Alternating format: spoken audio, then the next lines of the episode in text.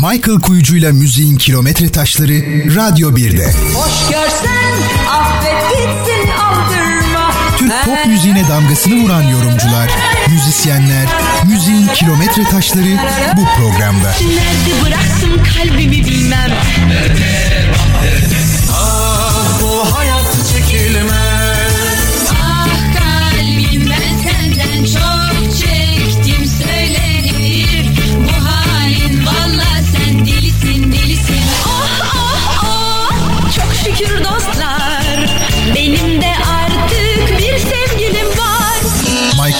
Kuyucu'yla müziğin kilometre taşları her pazar saat 21'de Radyo 1'de.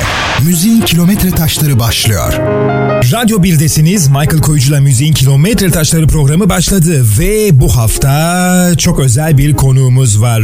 40 Yıllık Şarkılar adlı albümünü geçtiğimiz yıl müzik marketlere sunan, geçtiğimiz yıl dediğime bakmayın kısa bir süre önce, birkaç ay önce müzik marketlere sunan bir müzisyen, bir yorumcu, e, bir besteci var. Ve Baha'nın 40 yıllık şarkıları diyeceğim ve Baha Boduroğlu'na bir merhaba diyeceğim. Hoş geldiniz Baha Bey. Hoş bulduk. Sevgiler, saygılar, iyi akşamlar. Nasılsınız efendim? Ee, teşekkürler, sağ ol. Sen nasılsın Michael? Biz de çok iyiyiz. Bayağı evet, ne güzel böyle kısa aralıklarla da olsa görüşüyoruz ve her defasında Baha Boduroğlu'nun hep bir şeylerle karşımıza gelmesini verdiği mutluluğu yaşıyorum ben. Ha, ne güzel. Yani aralıksız üretmeye devam ediyorsunuz. ne mutlu bana. E tabii hangi yaşta olursa ol, üretmezsen ben yaşadığımı hissedemem gibi geliyor bana. Çok da güzel söylediniz. Tabii ki bugün Baha'nın 40 yıllık şarkılar adlı albümü konuşacağız. Bu albümde çok özel şarkılar var ama tabii ki bir müziğin bir kilometre taşı. Baha Boduroğlu'yla biraz geçmişte konuşacağız. Şöyle bir e, gidelim mi 60'lı yıllardan ilk o Gidelim. orkestra, müzisyenliği vesaire. Biraz anlatır mısınız bize Baha Bey? Ya Biraz nostalji yaşatalım Ya, dinleyicilerimize. Nasıl başladı müziğe Baha Boduroğlu? Gençlik, gençlik e,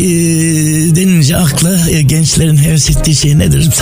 Benim bizim için müzikti yani. Müziği çok hevesliydik. İşte radyolardan güncel e, müzikleri takip ederdik ve heveslenirdik müzik yapmak için. Radyodan takip ederdik diyorsunuz. Tabii tabii. Ne kadar tabii. Şarkı, tabii. E, mesela benim e, ortaokula, e, il- ilkokula, ortaokula giderken sabahları First Fate orkestrası çalardı. Enstrümantal. E, dedem e, çok severdi müziği ve o radyoyu açardı. Ben de dedemin yanındaki odada yatıyordum. O First Fate orkestrasının müziği bana bir rüya gibi gelirdi. O kadar hoşlanırdım. Klasik müzikte popüler müzik arası bir şeydir o dönemin. E, şeyleri, enstrümantal, belki film müzikleri. Şimdi tam olarak anımsamıyorum. O müzik sevgim benim e, mandolin almama, dedeme zorla bir mandolin Zorla. almama. Zorla tabii. Aile biraz karşı çıktı değil mi? Daha önceki O- sohbetlerimizden o- hatırlıyorum. o- o- nasıl? Neler yaşadınız mesela biraz anlatır mısınız aileyle ilgili? Yani şöyle bir şey ben konservatuar imtihanını kazandığımda e, 16 yaşındaydım ve beni konservatuara almadılar. 18 yaş e, gereği şeyi vardı e, e, şartı vardı. Oturdum ağladım konservatuarın merdivenlerinde filan. Sonra Ağladınız. bir, tabii. Sonra bir abi geldi e, beni aldı yukarıya çıkarttı idareye. Abi dediğim kişi de Oğuz Demircioğlu. Sevgi sevgiyle anıyorum kendisini. E, öğrenci birliği başkanıymış aynı zamanda.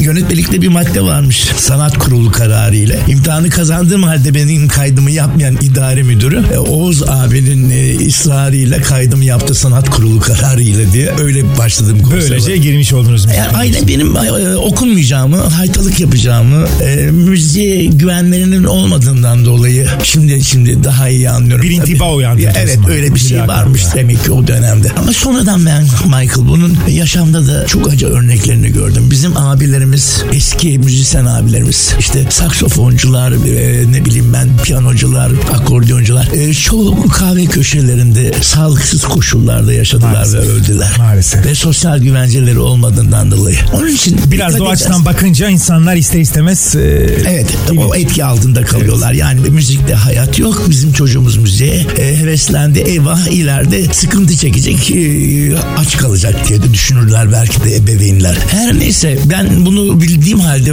müziğe olan aşkım e, Devam etti. e, Devam etti tabii ve şöyle bir şey dedim ki ben de öyle kahve köşelerinde ölmek istemiyorum. O zaman okumaya devam edeceğim. Hem okuyacağım hem müzik yapacağım. İşte Peki ne bizim- okudunuz? Okuyam okuyacağım müzik tabii. derken. Şimdi liseyi bitirdim. E, liseden sonra e, konservatuarın tiyatro bölümüne girdim maalesef. Müzik bölümüne değil. Yine sanat. E, Yine sanat tabii. Ondan sonra o da yetmedi. O da bir halkla ilişkiler e, bizim e, dönemimizde daha yeni başlamıştı Evet. okul. Onu bitirdim. evet. İki, iki tane yüksek okul bitirmiş oldum böylelikle ama. Onun etkisinde kaldınız sırasında- yani Evet tabii tabii. Çünkü bak e, müzikle beraber e, sürdürdüğüm yaşamımda sanatçıların sosyal e, yaşamıyla ilgili çalışmalar sivil toplum kuruluşlarıyla yapmak için sürekli telif haklarıyla e, müzik yorumcuları meslek birlikleriyle bunlarla uğraştım ben. Benim yani Evet, esas bu yönünüzde biliyoruz Evet, zaten. ya, Evet. Şeyim bu, uğraşım bu. O zaman çocukluktan o dönem yaşadıklarınız, gördükleriniz birazcık da ailenin telkinleri sizi biraz daha bilinçli, e, daha dikkatli, daha futbol deyimiyle defans kısa çekti ve daha dikkatli e, oldunuz. Öyle olmak zorundaydım. Mesela benim kızım da şimdi şarkı söylüyor. Ona ben e, e, ilkokuldayken bir albüm yaptım. Beste ve Elma Şekerleri diye. E, ondan sonra çünkü çok heves ediyordu. Kızım benim eski dostların içerisinde büyüdü. Mesela Esmeray Esmer annesiydi. Melike Demirağ, Ercan Turgut, Turşit Yenigün. Yani bizim o eski 70 dönemin sanatçıları evet bizim ev zaten bir karargah gibiydi. Beste onların içinde büyüdüğü için şarkı söylemeye heves etti. Besteyle pazarlık yaptım dedim Beste bir tane albüm yapacağım sana ama üniversiteden mezun olana kadar sana bir müzik çalışması yapmayacağım. Ben profesyonel olarak yapmayacağım dedim. Bir babanın çocuğuna, bir müzisyen babanın çocuğuna verdiği öneri ve dersi de duymuş olduk böylece Baha Bodoroğlu'ndan. Neden nasıl niçin bilmem Bana eden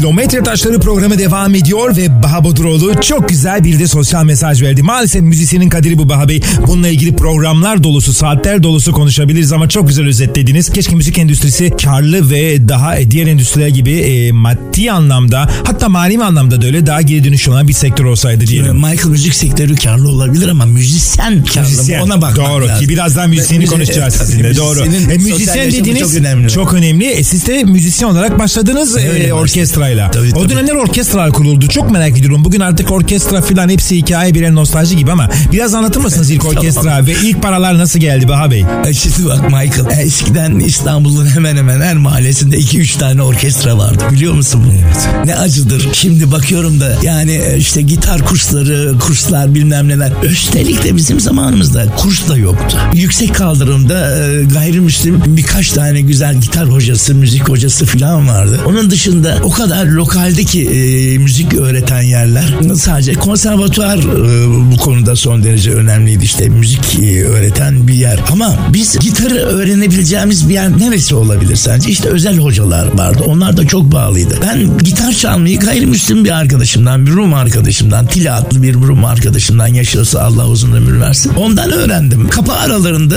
arkadaşlarla birbirimize akor gösterirdik gitarı. Mesela plak alamazdık belki ama tip salonlarında müzik boxlar vardı. Müzik Evet. boxlarından Evet. şarkıların sözlerini ve akorlarını çıkartırdık. Dinleye dinleye, Onları değil prova yapardık. Ondan sonra iki arkadaş, üç arkadaş, dört arkadaş bir araya geldiğimizde bir orkestra kuruyorduk. Yani şimdi ben sana ilk orkestrayı ve ilk parayı nerede kazandığımı anlatacağım. Çok matrak olacak. Niçin dersen küçük çekmecede küçük küçük bahçeler vardı. Ortasında dans pisti olan ve insanların yiyecekleriyle geldiği, masaların kurulduğu, kendi olanaklarıyla getirdikleri yiyecekleri ve içecekleri paylaşanlar. Onlar orada piknik gibi otururlarken, eğlenirlerken biz bir sahnede orkestra olarak müzik yapardık. Ve insanlar dansa kalkardı. Düşün bütün bunlar için ayrıca bir para ödemiyorlar. Biz de orkestra olarak para almıyoruz ama halk eğleniyordu, dans ediyordu, şarkı söylüyordu. Böyle mükemmel zaman dönemler yaşadık ve o çalışmalar bizi çok olgunlaştırdı. Sahne deneyimimizi halkın arasında halkla beraber kazandık. O hamlığı attık. Giderek profesyonelleştik. Ondan sonra zaten e, Artık yavaş yavaş endüstriye Evet, girme. endüstri- grup olarak filan mesela ben e, iki tane orkestram oldu o konuda. Çınarcık'a giden ilk orkestra benim mesela. Çınarcık. Çınarcık. E, o dönemde Çınarcık bir kasabaydı, bir sahil kasabasıydı. Çok güzeldi, çok nezihti. Orta sınıfın e, çok rağbet ettiği bir yerdi. İlk orkestra olarak e, biz gece çalmaya başladığımızda köyden insanlar emindiler, merak ettiler. Çünkü müzik, canlı müzik yapılıyor. Gazinonun etrafı yerel Vatandaşlarla köy vatandaşlarla dolmuştu. kadar enteresan. Yani- Peki ilk 71'de mi çıktı ilk e, plak? Değil mi? 71'in Ee, başı. Güzin ile Baha tabii 1971'de çıktı. 1971 öncesi var tabii. Benim orkestra çalışmalarım tiyatroyla konservatuarla beraber devam etti. Aha. E, Tiyatroyu... Tiyatroya ön plana biraz Evet geldi. evet e, Tiyatro ön plana geldi. E, İşte yani çok ünlü hocalarla e, yetiştim tiyatrocu olarak ve bunun semeresini görebilecek durumdaydım. Nitekim ben e, tiyatroyu bıraktığımda oyun yöneten ve oyun oynayan bir genç tiyatrocuydum. Aynı zamanda müzisyendim. Evet. Profesyonel olarak müzikten, müzikten para kazanıyordum. Tiyatro e, o dönemde e, o kadar e, yaygın bir sanat e, kurumuydu ki İstanbul'da o kadar çok tiyatro vardı ki. Tabii. Ben bile işte İhsari'deyken daha konservatuarın hazırlık bölümünde oyun oynamaya başladım profesyonel tiyatrolarda. Hey Daha iyi sonra- günler diyoruz valla. Günümüzde tiyatronun geldiği noktaya baktığımızda. Evet şimdi baktığında e, ne şimdi haftada mi? oyun oynayamıyorlar. Evet. Biz haftada altı gün e, iki günü e, matine suari olmak üzere oyun oynadık. Oyun oynuyordunuz. İşte Güzin ile Bağ'ın başlangıcı da tiyatrodur. dönem değil mi? Tabii ya. Evet. Tiyatrodan mı tanıştınız? Tiyatroda tanıştık. Ee, daha doğrusu ben tiyatroda e, matine şuaylı aralarında falan gitar müzisyen olduğum için gitarı getirir vakit geçirmek için çalardım. Bana rahmetli Selim Naşit, Adile Naşit'in Evet. ah, abisi Selim Naşit e, eşlik ederdi. Çünkü Selim abi Naşit Bey'den bu yana gelen bütün operetlerin çok ünlü parçalarını bilirdi. Ben ondan çok şeyler öğrendim. Çünkü Türk popunun bir anlamda başlangıcı da operetlerdir. Operetlerdeki sevilen şarkılardır. E, Selim Naşit de biliyorsunuz ünlü komik, komik şehir Naşit Özdan'ın oğlu. Adile Evet. ablayla beraber. Büyük bir aile. Evet büyük bir aile ve ben e, son derece e, geçmiş döneme ait onlardan o kadar çok güzel bilgiler, doğru bilgiler, birinci ağızdan bilgiler aldım ki e, ki onları ben hep şu anda pop müzik tarihiyle ilgili konferanslarımda kullanıyorum o anıları. O kadar güzel e, bir şekilde matine su aralarında müzik yapıyordu ki bize Güzin de katıldı. Biz üçlü olarak müzik yaparken e, Selmi Andak o dönemde değerli beste, e, besteci, değerli müzik adamı Selmi Andak o dönemde tiyatro eleştir, eleştirmenliği yapıyordu ve Cumhuriyet Gazetesi'nde yazıyordu. Bir oyunun e, eleştirisini yazmak üzere oyun seyretmeye geldiğinde içeriden bizim sesimizi duymuş, sesimizi duymuş. Gazanfer abi demiş ki ne oluyor içeride ne var? Ya bizim çocuklar işte vakit geçiriyorlar demiş Gazanfer abi de. Ondan sonra ya şunları bir göreyim demiş. İlk önce bizi kapının arkasından bir dinlemiş. O sırada bir parça yapıyorduk. Selim abinin öğrettiği Sivas Topol önünde diye bir şarkıyı düzenledik. İşte üç ses yapıyoruz. Selim abi de eşlik ediyor. Güzinlen ben. Parça bittikten sonra Allah rahmet eylesin e, Selma da içeri girdi. Ya çocuklar dedi ne kadar güzel bir şey bu. E, ne yapıyorsunuz? Vakit geçiriyoruz. E, ben tabii dilim tutuldu Selma Hanım'da görünce. E, çünkü biliyorum ününü. Besteci olarak da tanıyorum. Ondan sonra çocuklar dedi bu çalışmanızı dedi profesyonel zemine taşıyın dedi. Benim size tavsiyem dedi. Çünkü çok iyisiniz dedi. O dönemde pop folk'un da moda olduğu dönemler. Modern folk işçisi var. İşte e, sevgili Cem var. E, Hani biz de sonuçta yüzünden ileride düşündük dedik ya biz böyle bir çalışmayı yapabiliriz. Selim abi dedi ki çocuklar ben ya, bu, bu şeye yakışmam. Beni bir kenara bırakın siz e, çalışın dedi. Biz bir üçüncü kişi daha alarak Ali Turnalıoğlu e, diye bir arkadaşımızı da aramıza alarak üçlü olarak çalışmaya başladık. Ve Sivas Topal'ın önünde yaptık ilk kez. Bay Şurist bizi dinledi. Diskotür plağın sahibi. Çok beğendi. 71'de ilk plağımızı çıkarttık profesyonel olarak. E, bu birinci plaktı. Sivas Topol'un önünde yatar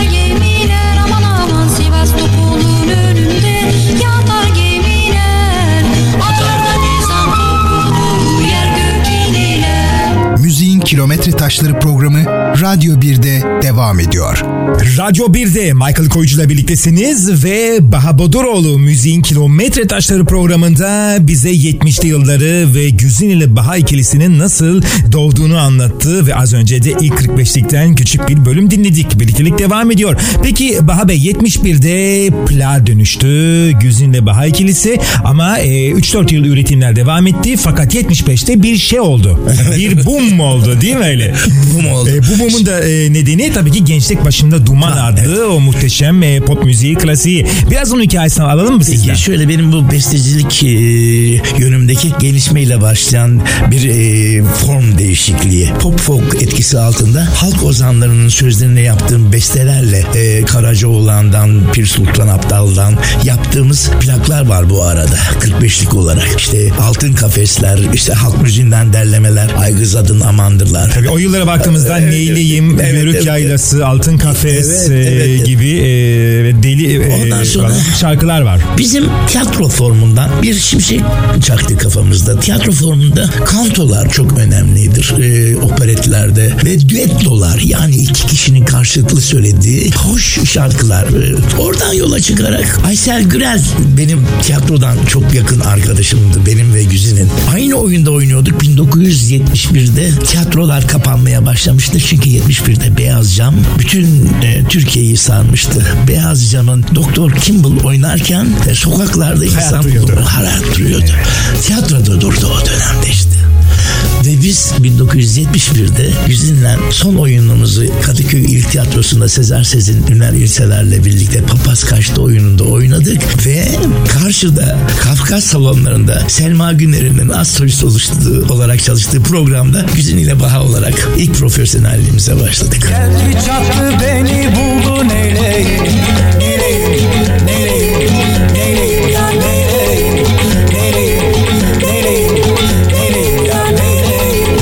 sonrası devam etti 1975'e kadar. Bu sahne çalışmalarımdan sonra Duetto'yu çok istiyordum ve Aysel bunu o kadar iyi aldı ki. Aysel'i de e, artı e, ilk e, şarkı sözlerini Siz yazdınız. ben, ben, bana ben besteledim. Şarkı sözü olarak yazılmamış. Şiir defterinden alınmış şiirlerle yaptığım bestelerle Aysel Türk pop müzik dünyasına şarkı sözü yazarı olarak girdi. Ateş böceğini o kadar çok kafasının etini yedim ki aşkla ilgili. Ateş böceğini yazdı. Ve ben şarkının sözlerini önüme koyduğumda hiç unutmuyorum böyle e, bir akşamüstü.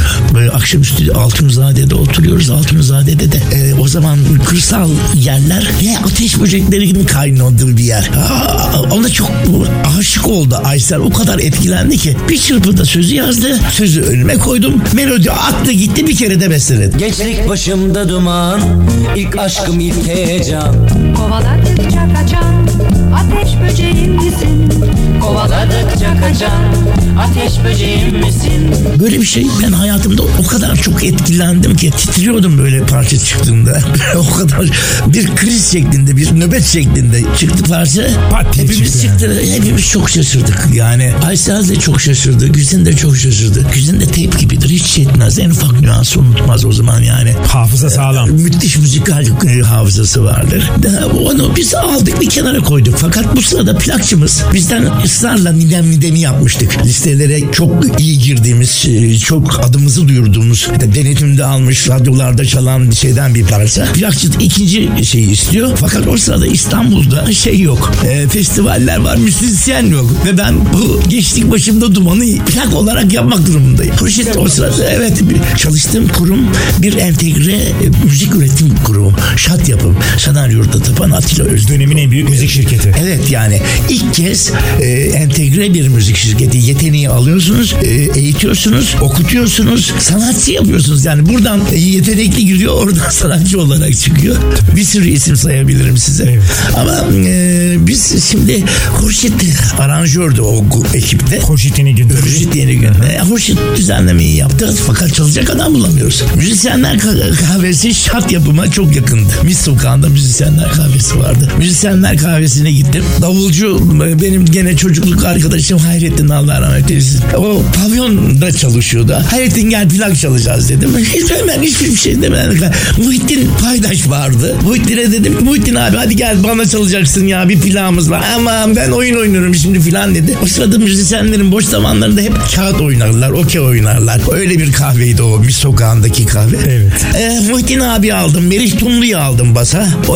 Ondan sonra Hurşit zaten gitarı çaldı. Aa, biz altyapıyı aldık. Fakat öyle bir altyapı ki Michael. Şimdi bizim eski o parçamızı koyan bir müzisyen arkadaş metronoma verdiğinde parça mesela 90 ritimden başlıyorsa finale doğru 120 oluyor. Yani koşuyor. Çünkü plak çalmaya alışmadığı için Hayrettin e, davulcu olarak çaldığında. Fakat bu parça bir güzellik mi verdi, bir şey mi getirdi bilmiyorum ama sonuçta gençlik başı başımda dumanı ilk televizyonda söylediğimizde bir gecede her şey değişti. Bir gecede Michael. Bir gecede. Bir gecede. TRT Beyaz- televizyonu ve e, o Evet, dönem TRT tek kanal. Evet. Bir gecede. çıktınız. O plak kaydını mı söylediniz? Evet evet. O hızlı hızlı olan hatta teknik olarak Evet, hatalı evet. diyebiliriz yani. Hatalı diyebileceğin şeyi bir, hala şu anda o çalıyor Michael. Evet, yani şu anda kayıtlarda olan, literatürde olan o kayıt yani. O kayıt. Yani ritmi yavaş başlayıp hızlı evet, giden. Hızlı giden. Evet. Evet. Ortalık değişti. Yani biz ona koşma deriz yani. Müzikte Evet. koşmadır Evet. bu. Yani eyvah koşuyor adam. Ya çek biraz işte filan. Yavaşla Orkestra biraz. olarak çalışırken kendi aramızda konuşuruz bütün bunları. Doğmayan güneşimsin, rüyalarda eşimsin. Doğmayan güneşimsin, rüyalarda eşimsin. Sevgilim söyler misin?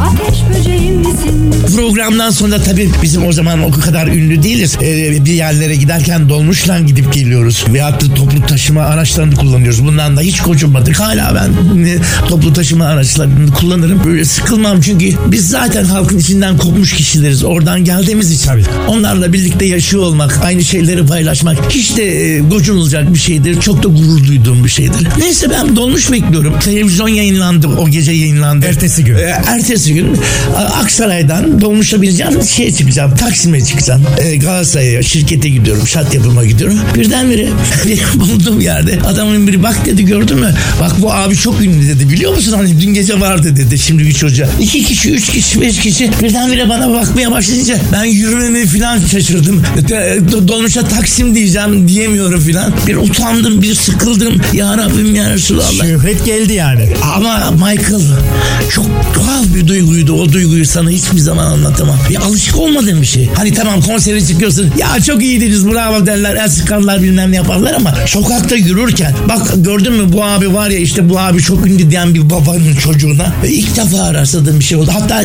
çevreme şöyle bir baktım başka birisi mi var üzerime alınayım mı alınmayayım mı diye. Ee, Yani gençlik başımda dumanın böyle müthiş ve tabii ki TRT televizyonun, TRT kanallarına çıkmanın verdiği avantaj ve e, güzel bir bizim şarkını da Okulumuzdur aslında Evet, biliyorsun. evet. Yani onu yatsıyamayız. Hiçbirimiz yatsıyamayız. Hem işte denetiminden bilmem nesinden filan tamam bir şeyler olmuş zamanında geldi geçti bütün bunlar ama çoğumuzun da okulu oldu TRT. Başka bir şey söyleyeceğim. Gençlik başımda duman derken biz bundan gurur duymuyoruz ama e, yani bunu e, övünç olarak söylemiyoruz. Şu ana kadar 7 tane uzun metrajlı filmde 13 tane de dizide kullanıldı. Gençlik başımda duman biliyor musun? bu şarkı yani e, Bak, soundtrack dediğimiz evet, yani. 7 tane uzun metrajlı film. Sonuncusu şey Günaydın Engin Günaydın'ın oynadığı Engin Günaydın kendi sesiyle söylüyor. Bu çok şey değil mi sence? Ekol olmuş bir şarkı. Hayır Ee, yani- bu yönüyle Evet çok yani önemli. bunu bunu biz hiç yüzünden pek şey etmiyoruz ama ilk defa bak ben sana burada söylüyorum. 7 tane uzun metrajlı filmde. Saydınız 7 tane. Hababam, Hababam sınıfı da dahil olmak üzere. olmak üzere. Gençlik başımda duman, ilk aşkım ilk heyecan. Gençlik başımda duman, ilk aşkım ilk heyecan. Kovaladıkça kaçan ateş böceğim misin? Kovaladıkça kaçan ateş böceğim misin? Peki bununla ilgili son bir soru. Bu 7 tane metrajlı filmde kullanıldı, değişik yerlerde kullanıldı. Bununla ilgili size güzel para verildi mi? Yok şimdi bizim telif haklarımız var tabii. Bizim Telif olur. Peki telif tabii, tabii. dışında Bak telif kapını yani izin alındı mı? E, izin alındı. Son dönemlerde Ha, alınmıştır. ilk başlarda izin alınmadı. Mesela ben geçenlerde bundan çok değil iki yıl evvel şaşırdım. Ali Poyrazoğlu, e, Hülya Koçyiğit ve e, Murat Soydan kadın hayır derse gibi filan bir film. Bir filan bile bir gençlik başında dumana girdiler yüzünden benim sesimle. Ve biz ne yapıyorsak aynını yapıyorlar. Ali Poyrazoğlu, Murat Soydan, Hülya Koçyiğit. Ah, Bizim şarkımız kullanılmış. Kaç yıl önce çekilmiş olan bir filmde ve bizim bundan bizim haberimiz yok. Daha yeni öğreniyorsunuz. Yani. Yüce dağlar aşam dedim, nehirlerle taşam dedim. Varam gidem ol illerde, herkes gibi yaşam dedim hey. Yüce dağlar aşam dedim, nehirlerle taşam dedim. Varam gidem ol illerde, herkes gibi yaşam dedim hey. Kilometre Taşları programı Radyo 1'de devam ediyor.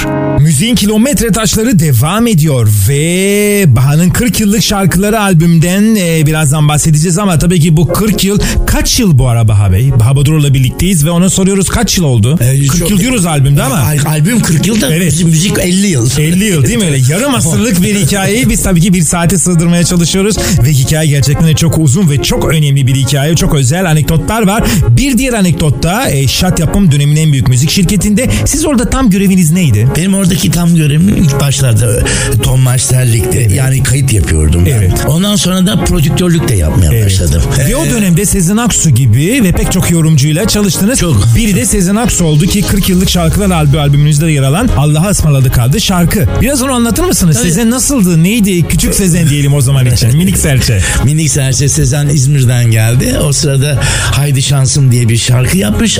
Artı Ve satmamış. e, evet yani e, şanssız olmuş diyelim. Öyle diyelim. Arkasından Şahinler Plağı bir e, şey yapmış. İlk e, plağı 45'liği. Orada dikkati çekmiş fakat Sezen e, vizyonu olan bir e, kişi e, yapı olarak o zamandan. Bu işin Şahin e, yani çalıştığı firmayla yürüyemeyeceğini, orada ileriye gidemeyeceğini anladığından dolayı araştırma yapmış ve şat yapım adını duymuş, araştırmış. Şat yapıma öyle geldi Şanaryo'da tamam Evet, kapınızı çaldı geldi. Çaldı geldi. Vatandaş gibi. Evet vatandaş. o zaman gibi. şöhret Fakat yok. Biz o dönemde Nilfer Grunberg grubuyla e, çalışmaya başlamıştı. Evet. Ve onlar ayrı bir e, şeydi. Pek şart yapımdan pek işleri olmuyordu. Bir nevi rekabet vardı aslında. E, ya bir şey oldu. Tatlı rekabet. Bir sanki solistimizi yitirmiş gibiydik. E, Nilfer e, lokomotifti çünkü. Evet.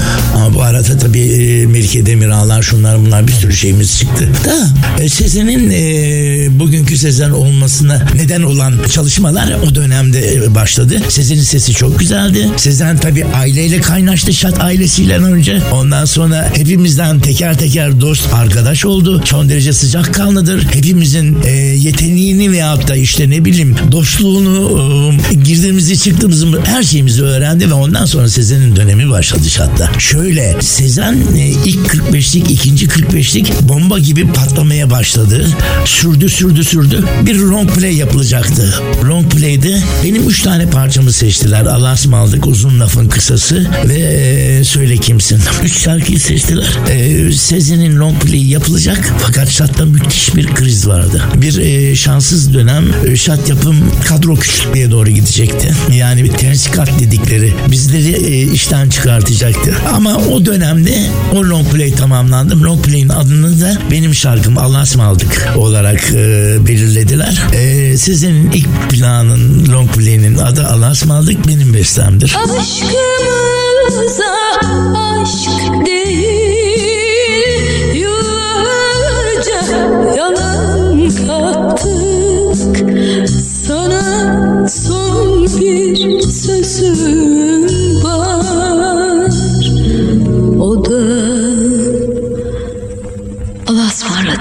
Biz Sezen tabii çok samimi dost olduk. Arı yapımı kurduğumuzda Güzin'le beraber Hurşit, Sezen, Recep Aktu, Serpil Roymak, küçük kız Ayça o sırada benim laboratuvarımdaydı. Laboratuvarı da ben idare ediyordum. Yani yetenekleri e, stüdyoda eğitiyordum. O arı yapım kuruldu. Ondan sonrası işte devam etti. E, ve Sezen'le ilk e, 45'liği yaptıktan sonra e, prodüksiyonu yaptık. Yolumuzu ayırmak e, durumundaydık. Sezen Kent plağı geçti. Ve Fakat- meşhur kaybolan yılları Ya- yayınladı. Evet biz kaybolan yılları arı yapımın şeydi. Siz ürettiniz değil mi? Evet, onu- yani biz- onu e, Sezen Aksu'nun Kaybolan Yıllar adlı Evet. e, minik serçe albümü ki Sızı ve pek çok önemli şarkılar Ama vardı. sızılar bize ait değil. Sadece iki şarkı. Neye yarar ve şey. e, kaybolan yıllar bizim. E, yani o önemli en önemlisi zaten Kaybolan Yıllar zaten. Onlar bizim. O zaman Hurşit İnegül'ün düzenlemesiyle Evet siz yaptınız. Zaten e, Hurşit'le e, Sezen Kent plakta devam etmeye devam etti. Peki Yani niye oldu böyle bir maddi veya manevi sıkıntı mı Maddi oldu? manevi sıkıntı değil. Çünkü Sezen'in doğuş dönemiydi. Yani e, fırlama. Büyüme e, dönemi. Büyüme, Evet. büyüme dönemiydi ve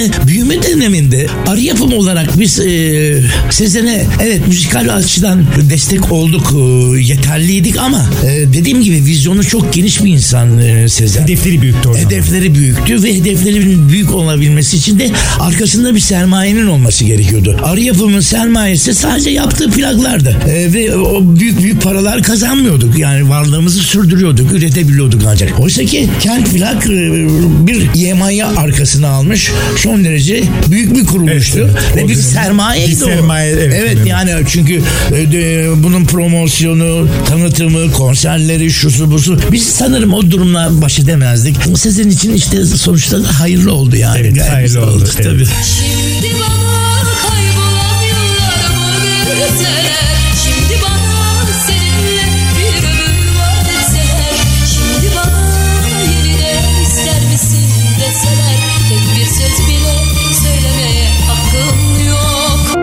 Kilometre Taşları programı Radyo 1'de devam ediyor. Baha Bodur'la birliktelik devam ediyor. Michael Koç'la birliktesiniz. Radyo 1'deyiz ve Baha'nın 40 yıllık şarkılarını konuşuyoruz. 70'lerin sonlarına geldiğimizde müzik endüstrisinde e, korsan kaset e, üretimi, bir durgunluk bir şeyler oldu. Bu şu ve bir şeyler oldu ve bir şeyler olması şeyler lazım. vardı Michael. Evet. Sana anlatayım. Şimdi adam tuhafiyeci. Tuhafiyeci dükkanına bir tane pikap alıyor. Bir tane de kaset teyp alıyor. Ve e, plaklar alıyor. Ve insanlar istedikleri parçaları adama not ettiriyorlar. Adam sabahtan akşama kadar tuhafiye satışının yanında band kaydıyla insanlara kasetler hazırlıyor. Yani Korsanın doğuşu bir nevi. Evet. Kaset. Tabii tabii tabii. Korsanın doğuşu. Yani şimdi benim bir tane plağımdan adam 100 tane 200 tane kasete kopya çekiyor. Ee, Şey olarak tek parça olarak. Ama insanlar liste veriyorlar. O listeye göre hazırlanıyor bütün kasetler. Bu ne yaptı? Bütün plak satışlarını tepe taklak e, aşağıya indirdi. Sektör darbe E, sektör müthiş bir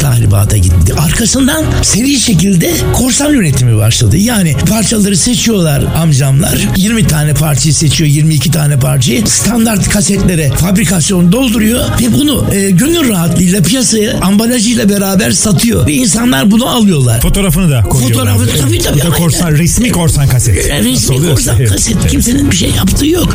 Hakkını arayamıyorsun. Bir şey. Ya bu benim bestem. Sen ya Güzin'le Baha'nın sen CD'sini, e, korsan kasetini, long play'inin kopyasını nasıl kaset olarak çıkartabilirsin? Ne hakkın var senin bunu yapmaya? Maalesef. O benim emeğim, alın terim. Ya sadece benim değil, bir sürü birçok insanın bu, bu bir sanayi çünkü bu toplu halde yapılan bir şey. Pop müziğinin gitmesi gereken yer belliyken e, sekteye uğrayan müzik e, başka e, kanallara taştı. Nereye taştı? İşte türler çıkmaya başladı. Arabesk, bilmem işte türkübesk, Evet, fantezi Evet. Yani böyle değişik formlar çıkmaya başladı. Yani siz de bir e, öncülük yapıp bir tarz başlattınız. Evet e, şöyle yaptık madem plaklandı bu iş böyle satışlarda bu kadar düşüş var o zaman durgunluk vardı bir şey yapmak gerekiyordu. Biz tavernalarda çok çalıştık ve insanlar tavernalarda eğlendikten sonra hep bir arada hep birlikte fasıl söylerler.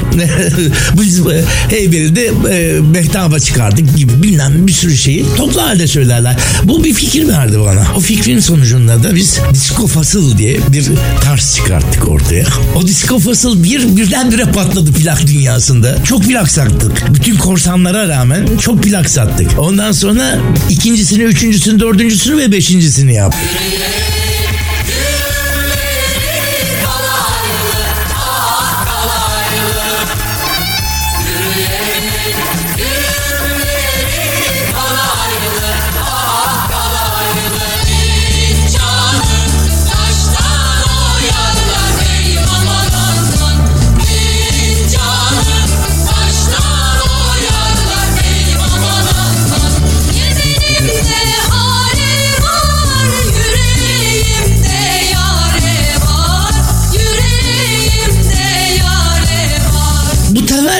İnsanların evine götürelim diye düşündük. E, Turgay'ın tavernası çıktı. Turgay'ın tavernasında o kadar insanlar e, canlı taverna havasını hissettiler ki evlerinde de bunu yaşamak istediler. Dolayısıyla Turgay'ın tavernası da patladı. O da 1, 2, 3 diye gitti. Turgay'ın tavernasının patlamasında başka bir şey daha patladı. Orada biz ilk defa arabesk bir şarkıyı Huzurum Kalma diye Ercan Turgut'a, Turgay'ın tavernasının orkestrasının solisti olan Ercan Turgut'a İstanbul Türkçesiyle söylettik. Yani bir arabesk parça İstanbul Türkçesiyle nasıl okunur orkestrayla diye birdenbire huzurum kalmadı patladı. Ercan Turgut patladı. Yani huzurum kalmadıyla yani Ferdi Tayfur'un bestesi huzurum kalmadıyla Ercan Turgut birdenbire bütün Türkiye'de patladı. İnsanlar sadece o parça için dahi e, uzun çaları almaya başladılar. Dolayısıyla Disco Fasıl ve Turgay'ın Tavernası birçok şeyi içinde doğurmuştur yani. Çok e, dişidir o tarz prodüksiyon. Bizi e, arı yapımı uzun süre o e, götürdü o tarz.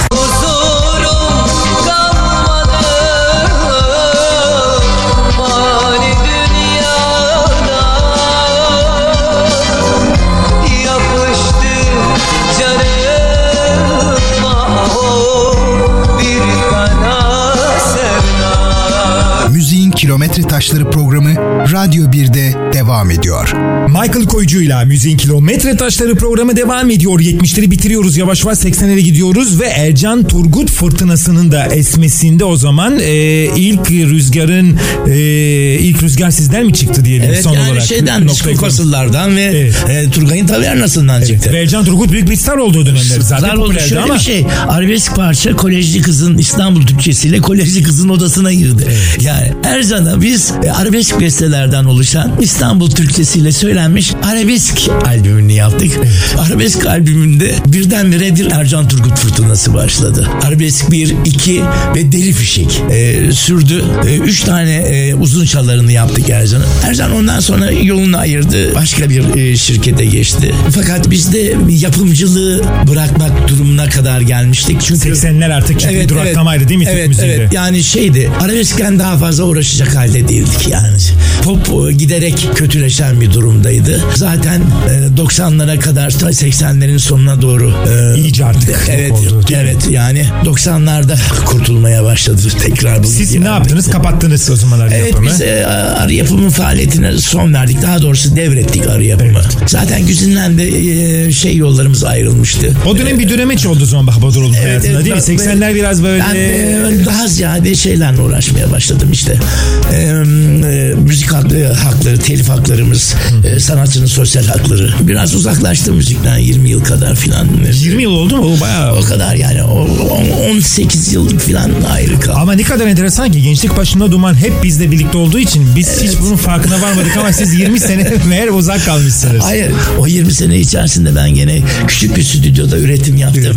Dizi müzikleri yaptık Turgay Noyan'la beraber. Mesela Ergüder abi hastalanmadan evvel bizle beraberdi Ergüder Yoldaş. Büyük müzik adamı. Ee, o aranjör olarak çalışıyordu. Turgay'ın parçaların aranjmanlarını yapıyordu. Ondan sonra işte e, şanssız bir şey hastalandı.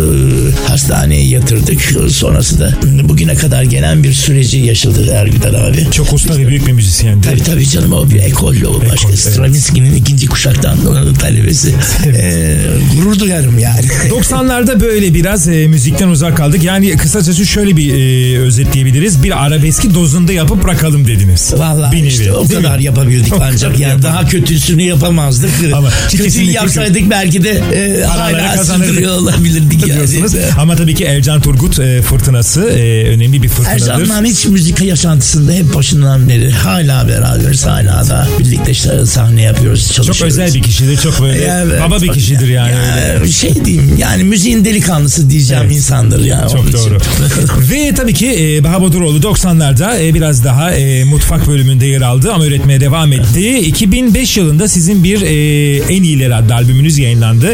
O döneme kadar yine bir şey var, oldu mu? Ben sana o var bir şey bir ara. Şimdi bizim e, ben Popşav'da genel sekreter olarak çalışmaya başladığımda sevgili Selçuk Alagöz'le beraber Popşav'ın bir konser yapması gerekiyordu. Biz ünlü sanatçı kardeşlerimize Popşav için bir konser yapıp Popşav'a para kazanması için bir takım öneriler getirdik. Fakat pek rağbet görmedi bu öneriler. O zaman Selçuk Alagöz'le düşündük ne yapabiliriz? Diye. Dedik ki o zaman 70 dönemi sanatçıları biz bir arada bir konserde çıkartalım. Bir tane Popsav orkestrası kuralım. Hakikaten de e, sevgili e, Oğuz Abadan'dan bir Popsav orkestrası kuruldu 7 kişilik. Ve 70 dönemi sanatçıları Yeliz de dahil olmak üzere o dönemde kim ünlüyse İskender Doğan'dan şeye kadar Pop'un Altın Çağı diye bir konser yaptık. Evet. Pop'un Altın Çağı konseri çok şeye ilham oldu. Çünkü insanlar canlı müzikle televizyonlarda haber olarak çok güzel geçti. Çok büyük etkisi vardı ama insanlar gelmedi. Çok başarısız bir konserdi. Öyle yani. mi ya? Yani çok büyük bir düş kırıklığıydı bizim için. Hmm. Ama basın için büyük bir şeydi medya için. Lansmanı başarılı oldu. Evet evet çok başarılı oldu. İnsanlar e, gelmediler. Sene ama, kaç bu ara hatırlıyor musunuz tam e, olarak? 1900, 2000'lerin e, başı mı? e, Hayır. 99-2000. Evet. 2001'de de Hurşit Yenigün Eski Dostlar diye bir grup Evet. tekrar bizi bir araya getirdi. Gerçekten de çok özel bir grup. Evet, evet. O grupta siz de vardınız. Evet, Ve iki de albüm çıktı albümde. Evet iki tane albüm Evet, çıktı. evet. Güzin, ile Baha olarak biz de yer aldık o albümde. Çok güzeldi. İnsanlar çok şaşırıyordu. 70 dönemindeki e, sevdiği sanatçıların onunu birden bir arada görebilmek. Esmeray, Nur Yoldaş, Banu Kırba, Güzin ile Baha, İskender Doğan, Ercan Turgut, Kartal Kaan. Evet. Yani e, şaşırdılar. Semiha yankı. Ve herkes en baba şarkısını yorumlamıştı. Evet. Ve evet. siz de Güzin Hanım'la birlikte. Dırnaman ikinci Evet. bir versiyon olarak yorumladım. Zaten iki versiyonu vardır. İkincisi de odur değil mi öyle? İkincisi de odur. Üçüncüsü de işte Bahar'ın 40 yıllık şarkısı. Evet, Sevgili birazdan Eda konuşacağız. Metin'in evet, e, söylediği versiyonudur. O zaman Baha Boduroğlu'nun müziğe bir nevi dönüşü eski dostlarda tekrar, evet, tekrar. e, İki- olmuştur. 2000'li yıllarda. 2000'li yıllarda 2000'li. ve e, o da e, bu özel şarkının ikinci versiyonunu da Hurşit İnegül'ün Eski Dostlar adlı bir albümünde daha doğrusu birlikte yaptığımız albümde yer aldı. Ve 2005'te bir best of'unuz yayınlandı ve birazdan da Baha'nın 40 yıllık şarkılarını konuşmaya başlayalım. Gençlik başımda duman, ilk aşkım ilk heyecan. Gençlik başımda duman, ilk aşkım ilk heyecan. Kovaladıkça kaçan ateş böceğim misin? Kovaladıkça kaçan ateş böceğim misin? Seviyorum,